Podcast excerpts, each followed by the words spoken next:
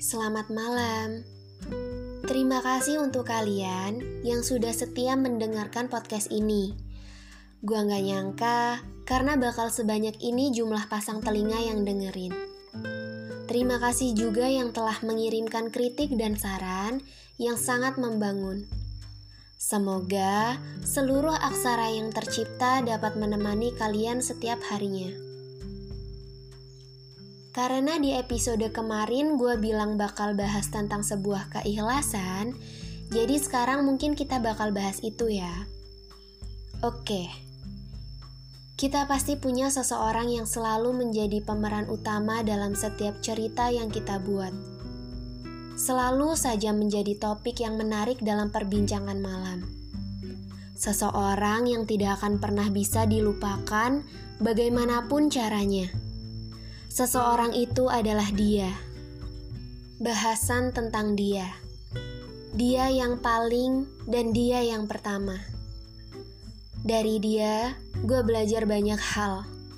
Belajar bahwa rasa tidak melulu soal memiliki, belajar bahwa rindu tidak harus memeluk, belajar bahwa mencintai itu cukup sekedarnya, Bahkan lebih baik jika kita hanya mendoakannya sebelum benar-benar memilikinya. Keikhlasan dalam mencinta benar-benar nyata. Kita tidak berharap menerima karena yang ada di pikiran hanya memberi dan berdoa untuk kebahagiaannya. Melepaskan rasa memang bukan keahlian gue, tapi tentang ikhlas, gue bisa. Katanya, Bahagia adalah pilihan, meski tidak ada yang benar-benar dipilih oleh manusia. Gus Baha pernah bilang, cinta itu tidak cukup tidak melukai orang yang dicintai, tapi juga harus bersabar ketika dilukai oleh orang yang dicintai.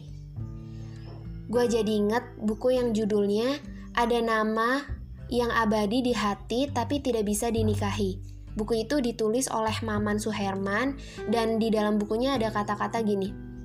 Yakni saat suatu hubungan berakhir dan usai, bukan berarti dua orang berhenti saling mencintai. Mereka hanya berhenti saling menyakiti. Pas baca ini gue langsung diem. Bener ya, memang jalan untuk terus maju dan melangkah bukan menutup masa lalu, tapi mengikhlaskannya. Jadi, Buat kalian yang masih susah buat ikhlas, mungkin bisa mulai dari sekarang. Belajar buat mengikhlaskan dan berbahagialah tanpa harus merusak takdir semesta.